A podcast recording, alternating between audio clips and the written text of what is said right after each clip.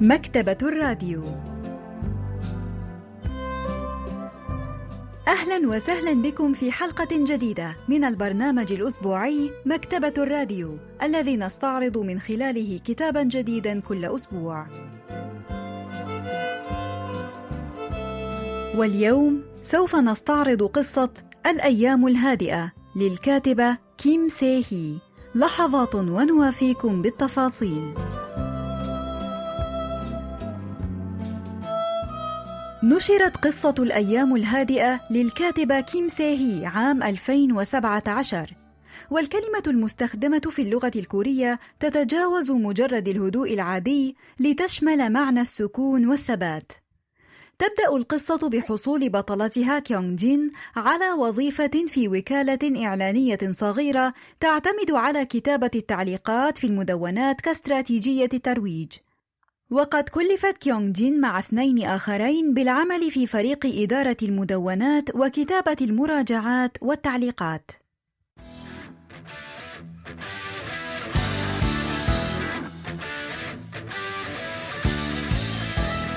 كانت أيامي تعج بالاجتماعات، وكان أهمها هو اجتماع المفاهيم.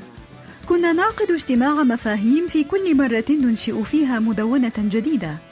لم أكن أعرف معنى هذا في البداية كان أعضاء الفريق يجلسون حول الطاولة وكان مدير الفريق ينظر إلى زملائي ويسأل أي نوع من الشخصيات يجب أن نصنع اليوم؟ سلمه أحد الزملاء القدامى ورقة وقال رجل مطلق في آخر الثلاثينات من عمره يستمتع بالرياضات الصعبة ثم صفت تفاصيل أسلوب حياة هذا الشخصية الخيالية التي ابتدعها بالإضافة إلى اهتماماتها تحت عنوان كبير. قال إنه استوحى الفكرة من صديق مقرب. كانت هذه الشخصية الخيالية تركب الدراجة بجوار النهر قبل الذهاب إلى العمل. وكان يتسلق الصخور في عطلات نهاية الأسبوع ويمارس رياضة ركوب الأمواج في الصيف. كم عدد إخوته؟ أي المجتمعات السيبرانية يرتاد؟ ما هو برنامجه التلفزيوني المفضل؟ كان مدير الفريق يركز دائما على التخيل، فالناس لم يكونوا حمقى، فأي وكالة إعلانية لا تستطيع أن تنجو بمجرد ملء مدونة ما بالإعلانات. التعليقات على المنتجات التي تشبه الإعلانات لم تعد تؤتي بثمارها. يجب أن تستخدم هذه الوكالات خيالها كي تبدو المدونة والمدون وتدويناته واقعية أصيلة. كان موقع إن يقيم كل مدونة، وبمجرد أن تصبح المدونة مدونة مميزة حسب التقييم بعد حصولها على عدد معين من الدرجات، يتم تصعيدها في نتائج محرك البحث، وهنا يمكن إدخال الإعلانات في التدوينات. كانت وظيفة مرهقة تستهلك الكثير من الوقت. كان مدير كل فريق يطلب من الأعضاء الجدد ابتكار شخصية جديدة. راحت كيونغ جين تفكر بكل جد. بعد أسبوع اقترح أحد زملائها واسمه هونغ ثونغ شيك شخصية شخص أنيق في مطلع الثلاثينات يعيش في حي مانغ وون دونغ الذي تم تحديثه.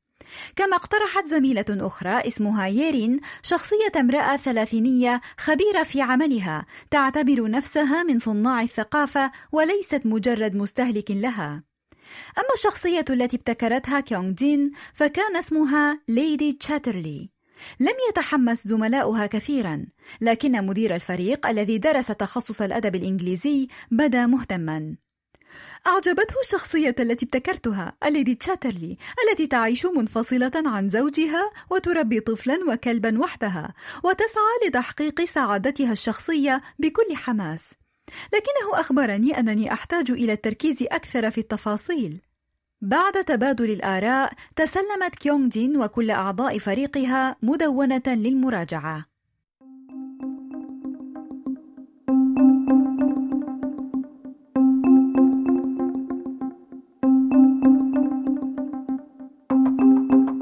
بعد ظهر ذلك اليوم كتبت تدوينة قصيرة صادقة عن الليدي تشاترلي. تدوينة تناسب أن يكون كاتبها مدون جديد وقدمتها لعالم المدونات على شبكة الإنترنت. طلب منا بعد ذلك كتابة مراجعات عن المنتجات وكانت أغلبها عن المطاعم. وعندما كان أحد المطاعم يرسل إلينا صورا للمكان من الداخل بالإضافة إلى صور قوائم الطعام والأطباق هناك كنا نخلط كل هذا لنكتب مراجعة عن المكان وكأننا زرناه بالفعل وجربنا أطعمته. وتعلمنا كيفية التأكيد على جمل معينة يريد المعلنون إضافتها. تعلمت بعد ذلك أن أهم عنصر هو التفاصيل. فالتفاصيل هي ما يشهد على صدق ما كتب. كان علي أن أكتب مراجعات وكأنني استخدمت المنتجات بالفعل أو تذوقت الطعام بنفسي. وإذا لم ترضني المعلومات كنت أرسل رسالة إلكترونية للمعلن لأطالبه بالمزيد من المعلومات. لم يكن الآخرون يهتمون بالأمر إلى هذه الدرجة لكنني لم أهتم. كنت أريد أن أصبح بارعة حقا في عملي. كنت أتساءل أحيانا ما إذا كنت أفعل الشيء الصحيح. كان هذا عندما كنت أكتب رأيا عن عملية تصغير الذقن المربع الشكل وأكتب العبارات التي أرادها المعلن. كانت نفس التساؤلات تراودني وأنا أكتب عن آراء مفترضة عن عمليات تصحيح الأسنان أو الليزك لتصحيح الإبصار. كانت الشكوك تراودني لكنها اختفت بسرعة. كما أنني عرفت مع الوقت أن المراجعات والآراء التي كنت أبحث عنها وأقرأها لأقرر قبل أن أشتري شيئا ما كلها قد كتبها أشخاص يعملون في وكالات مثل وكالتنا.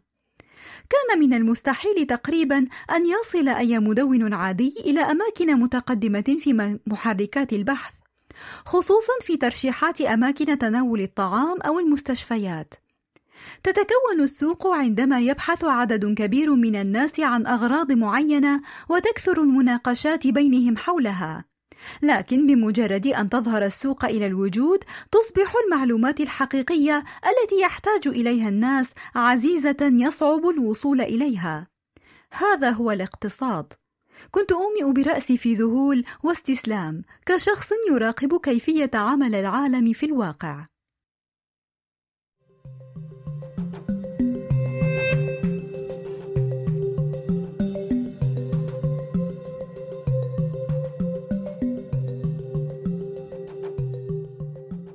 حصلت مدونة ليدي تشاترلي التي ابتكرتها كيونغ جين على موقع متقدم في محركات البحث في وقت قصير للغاية وبدأ مدير الفريق في وضع الإعلانات المهمة على مدونتها بدأت تدرك تفاصيل عملها الناقدة الأدبية جون سو يونغ تحدثنا عن شخصية البطلة. 작중에서 경진의 직업은 블로그 마케터입니다.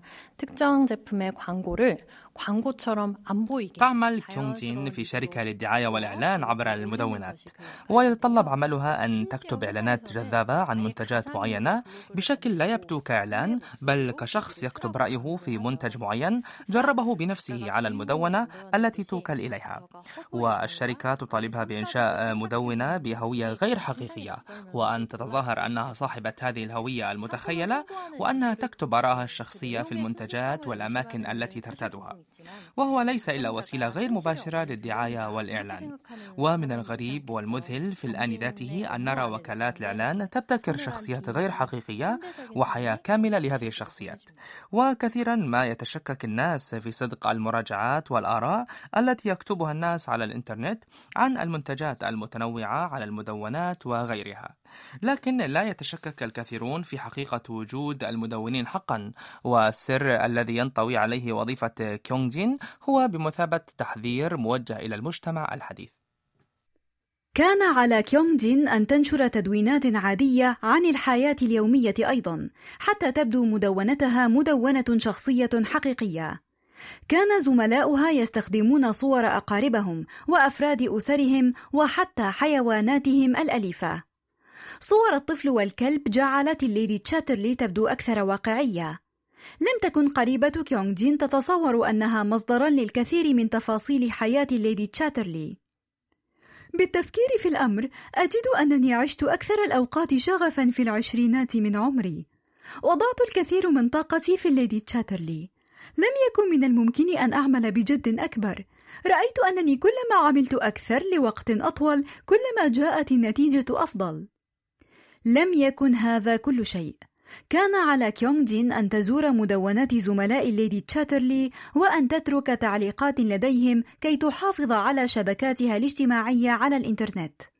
وكانت الصداقة تنشأ أحيانا بين هذه الشخصيات الوهمية، لأنه حتى الوكالات الدعائية لم تكن تستطيع تمييز الشخصيات الوهمية من الحقيقية بهذه السهولة.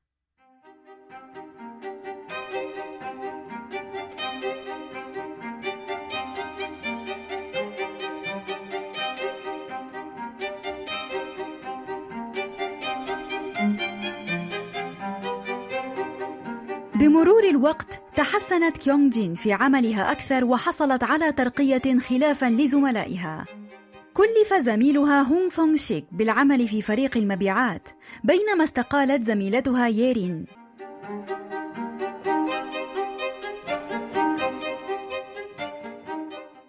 ذات يوم صنفت الليدي تشاترلي فجأة كمدونة سيئة. لم تستطع كيونغ جين أن تصدق نفسها في البداية واستمرت الصدمة لوقت طويل.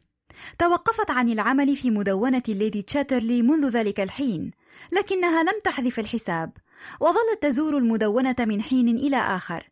وفي مرة من المرات التي زارت فيها المدونة وجدت رسالة في الانتظار. كانت الرسالة من إحدى المدونات الصديقات. قالت إنها ضحية لمنتج المطهر الرشاش السام الذي تنتجه الشركة باء. أدعت إنها فقدت رضيعها بسبب المادة الكيماوية السامة في المنتج المذكور وأن طفلها الذي لا يتجاوز الخامسة قد أصيب بتضرر دائم في رئتيه وأنه سيضطر إلى الاعتماد على الأكسجين الصناعي طيلة حياته.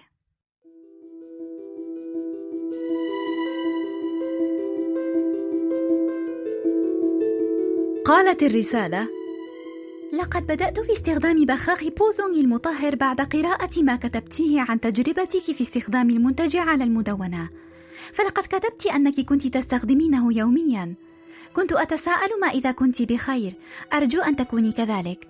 لكن إذا حدث لك أي شيء أرجو أن تتواصلي معي على هذا الرقم.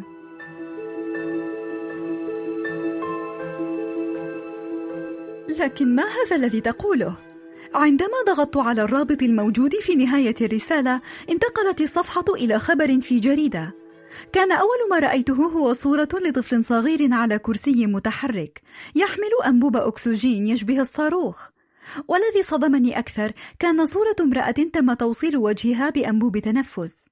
بدأت رجفة باردة تسري من معدتي وتنتشر خلال جسدي كله حتى جعلت يداي باردتين تماما.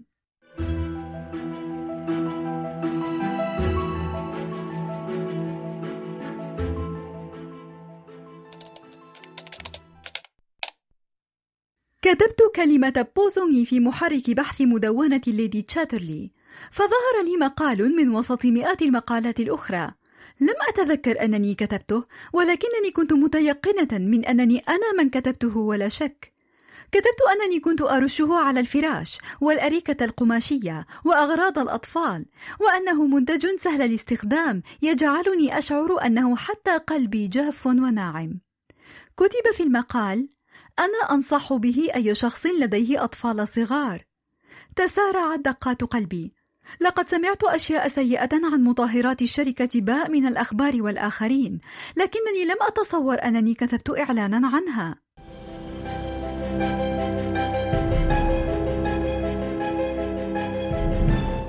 توضح هذه الحادثة أن الرأي الذي لا تتذكر المدونة نفسها أنها كتبته قد يكون له أثر مدمر قاتل على شخص آخر. البروفيسور بانغ مينو أستاذ الأدب الكوري في جامعة سيول الوطنية يحدثنا عن ذلك. 진짜 세계가 있는데 우리는 가상현실에 둘러싸여 있다고 늘 얘기를 많이 합니다. الناس في عالمنا اليوم محاطون بالواقع الافتراضي في كل مكان. وتستثار حواسنا بالمثيرات البصرية والسمعية التي تصل إلينا من خلال منصات افتراضية مثل اليوتيوب ومواقع الإنترنت ومختلف أنواع الوسائط. وعندما تحيطنا هذه الوسائل الافتراضية تقل فرصنا في مواجهة الواقع. والكاتبة ترينا من خلال هذه القصة تفاصيل العالم الحديث وأخطار الواقع الافتراضي والخداع الذي تتضمنه هذه الوسائل. ماذا إن جاءت هذه المرأة تبحث عني؟ ماذا إن أبلغت الشرطة أنها اقتنعت باستخدام بوزونغي بسببي؟ هل أقول حينها أنني لم أستخدمه سوى مرة واحدة؟ لكنهم سيكتشفون عندها أنني لست ربة منزل، أنني لا أملك كلبا ولا طفلا، وأنني لم أستخدم بوسونغي هذا على الإطلاق. هل سأعاقب؟ هل ستتورط الشركة في مشكلة كبيرة بسببي؟ فتحت كيونغ جين الرسالة مجددا كي تتأكد أن المرأة لا تلومها على ما حدث. لكنها ألغت حساب ليدي تشاترلي فور وصولها إلى العمل في اليوم التالي.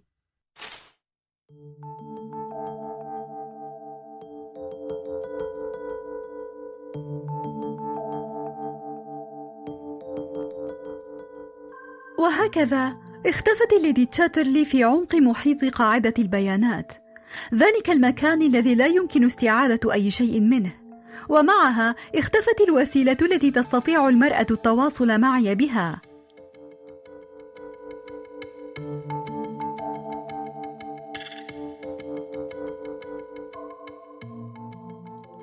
عادت كيونغ جين إلى مهمتها في كتابة الآراء عن عدة منتجات أخرى لكن الشكوك بدأت تساورها بقوة هذه المرة. لو عاد بي الزمن لكنت كتبت مقالا رائعا عن رأيي في بوسونغي. فهو ليس أمرا غير قانوني.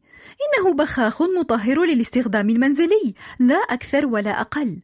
صنعته شركة كبيرة وتم بيعه في المتاجر في كل أنحاء البلاد. لم يكن من الممكن أن أعرف أنه يحتوي على مادة سامة قاتلة. لم يكن من المفترض أن يشكل خطرا على الصحة.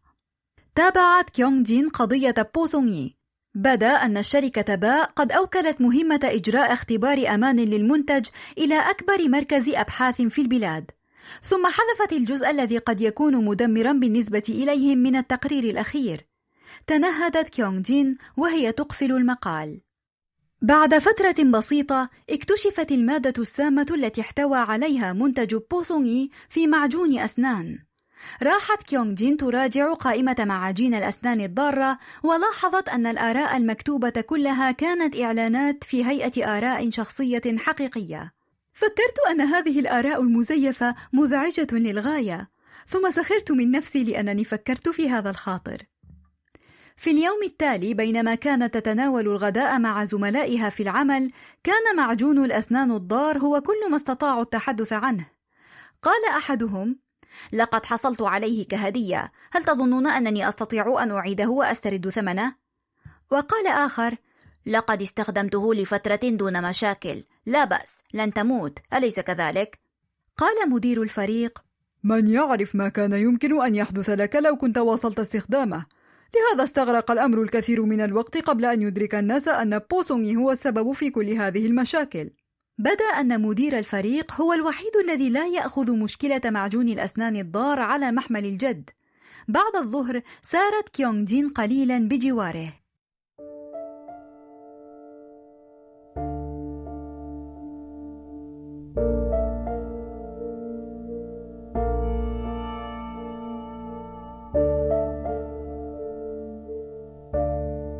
قالت سيدي بالنسبة لذلك البخاخ المطهر بوسوني. آه نعم يا لها من حماقة. بدا مهتما وكأنه تذكر المحادثة التي دارت أثناء الغداء. قلت بالتفكير في الأمر أذكر أنني أعلنت عنه أيضا. لقد كتبت رأيا عن استخدامه. صمت للحظة ثم قال حقا يبدو لي أنهم بشعون. كيف حدث هذا؟ لم يتوقف عن المشي. قلت أعرف. لا أظن أنني أستطيع أن أثق في أي شيء مجددا. حاولت أن أواصل الحديث لكنها كانت نهاية حوارنا. كان يسارع خطواته وكنت أحاول أن ألحق به. لقد تحدثت دون تفكير لكنه عندما مشى بسرعة وتركني شعرت بالإحباط فجأة. شعرت أنني تركت وحدي في الطريق. ما هذا؟ ماذا يريد؟ رحت أسأل نفسي وسط حيرتي. 그래도 경진은 어, 거기 같은 회사의 팀장이라든지 على خلاف مدير الفريق وزملاء العمل استطاعت كيونغ جين أن تفكر في الأبعاد الأخلاقية لكتابة آراء مزيفة عن منتجات لم تستخدمها في حياتها. والإنسان في العصر الحديث يسارع باتخاذ الأعذار لنفسه وللأفعال الخاطئة التي يرتكبونها في العمل امتثالا لأوامر رؤسائهم. على سبيل المثال إذا كذب محامي في, محا في محاكمة ما لينصر موكله فلن يمكنه تبرير فعله بحجة أنه يجب أن يسلك كل السبل الممكنة لتحقيق مصلحة موكله. وكيونغ جين صادقة مع نفسها ولذلك فهي تدرك أن تبريراتها لا تصح. بعد ذلك بفترة قصيرة أعلن موقع إن أنه سيجدد خوارزميات البحث لديه لكي تكون النتائج أكثر مصداقية. فلم تعد مقالات المدونات الممتازة تظهر في مقدمة نتائج البحث. وبالتالي فقدت شركات الدعاية والإعلان الصغيرة مصدر دخلها وفقدت كيونغ جين وظيفتها.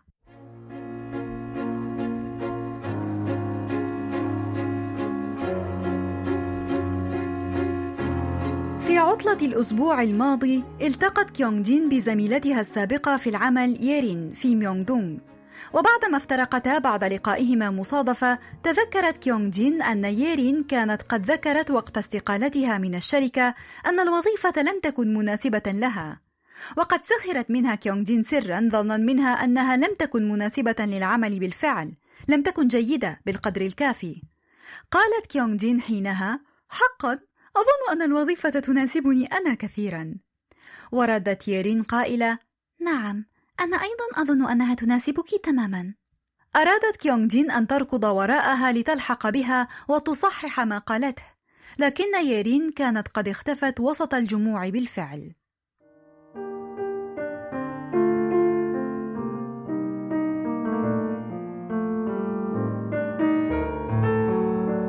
كانت أول وظيفة لي. عملت هنا لستة وعشرين شهرا بدءا من ربيع عامي السادس والعشرين حتى صيف عام الثامن والعشرين. لا أزال أتذكر الهواء الجاف الذي كان يغمرني عندما كنت أفتح باب المكتب والطريقة التي رصت بها المكاتب البيضاء. لكنني لم أتحدث قط عما حدث هناك. كلما تطرق الحديث إلى وظيفتي الأولى كنت أذكر أنني عملت في وكالة إعلانية صغيرة فحسب. كانت هناك أشياء أخرى لم أستطع التحدث عنها أيضا مثل عجزي عن قراءة رواية عشيق ليدي تشاترلي منذ أن غادرت العمل في الشركة. كان الكتاب موجودا لكنني لم أرغب في قراءته على الإطلاق. لم أكن أقول أنني أحب رواية عشيق ليدي تشاترلي كلما سنحت الفرصة. هذا هو ما صرت إليه.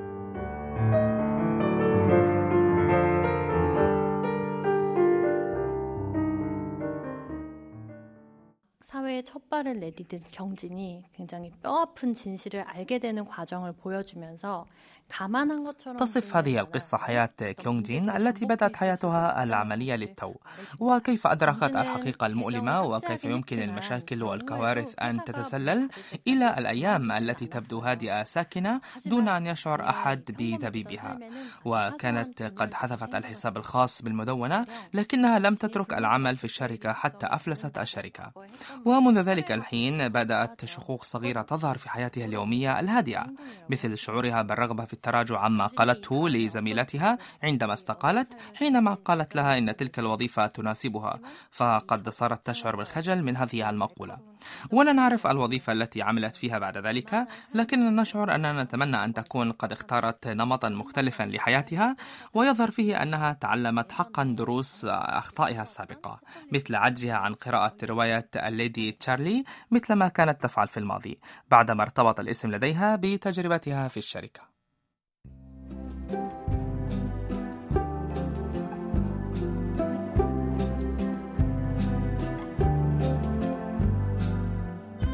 استعرضنا معا قصة الأيام الهادئة للكاتبة كيم سيهي وإلى اللقاء في الأسبوع القادم مع كتاب جديد ومبدع جديد.